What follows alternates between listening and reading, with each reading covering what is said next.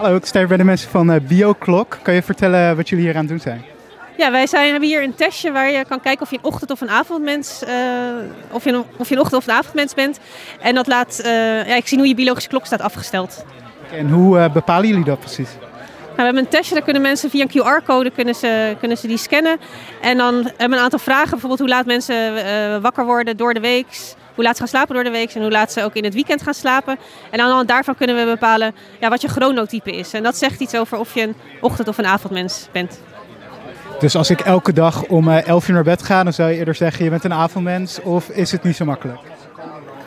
Uh, ja, dat is redelijk vroeg denk ik. Ook als je dat in je, in je, in je weekenden doet, dan is dat redelijk vroeg. Dan denk ik dat je misschien een beetje een ochtendmens uh, bent. En wat als ik uh, en om 11 uur naar bed ga, maar ook om 10 uur opsta?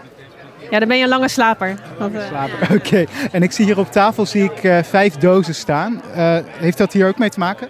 Ja, dus we willen ook graag weten wat mensen van deze activiteit vinden. Dus we hebben een aantal vragen bedacht en stellingen waar mensen op kunnen stemmen. Dus mensen kunnen stem uitbrengen. Um, of ze bijvoorbeeld na deze activiteit meer zouden willen weten over de biologische klok. Um, of zich ook bewuster zijn van de biologische klok na deze activiteit. En of ze het interessant vonden of niet. En uh, als je dan eenmaal weet wat je biologische klok is, um, of je een avondmens of een ochtendmens bent, hoe kan je je leven dan anders inrichten om nou ja, productiever, effectiever in het leven te staan? Ja, dus het is goed om te weten dat, nou, dat je een biologische klok hebt en dat, dat, dat er dus ook natuurlijk gezien ochtend- en avondmensen bestaan.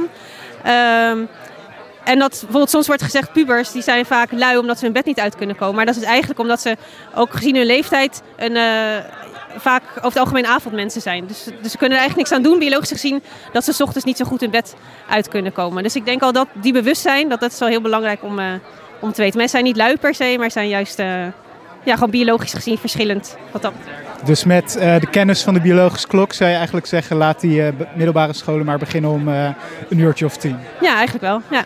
Ja. Nou, super, dankjewel.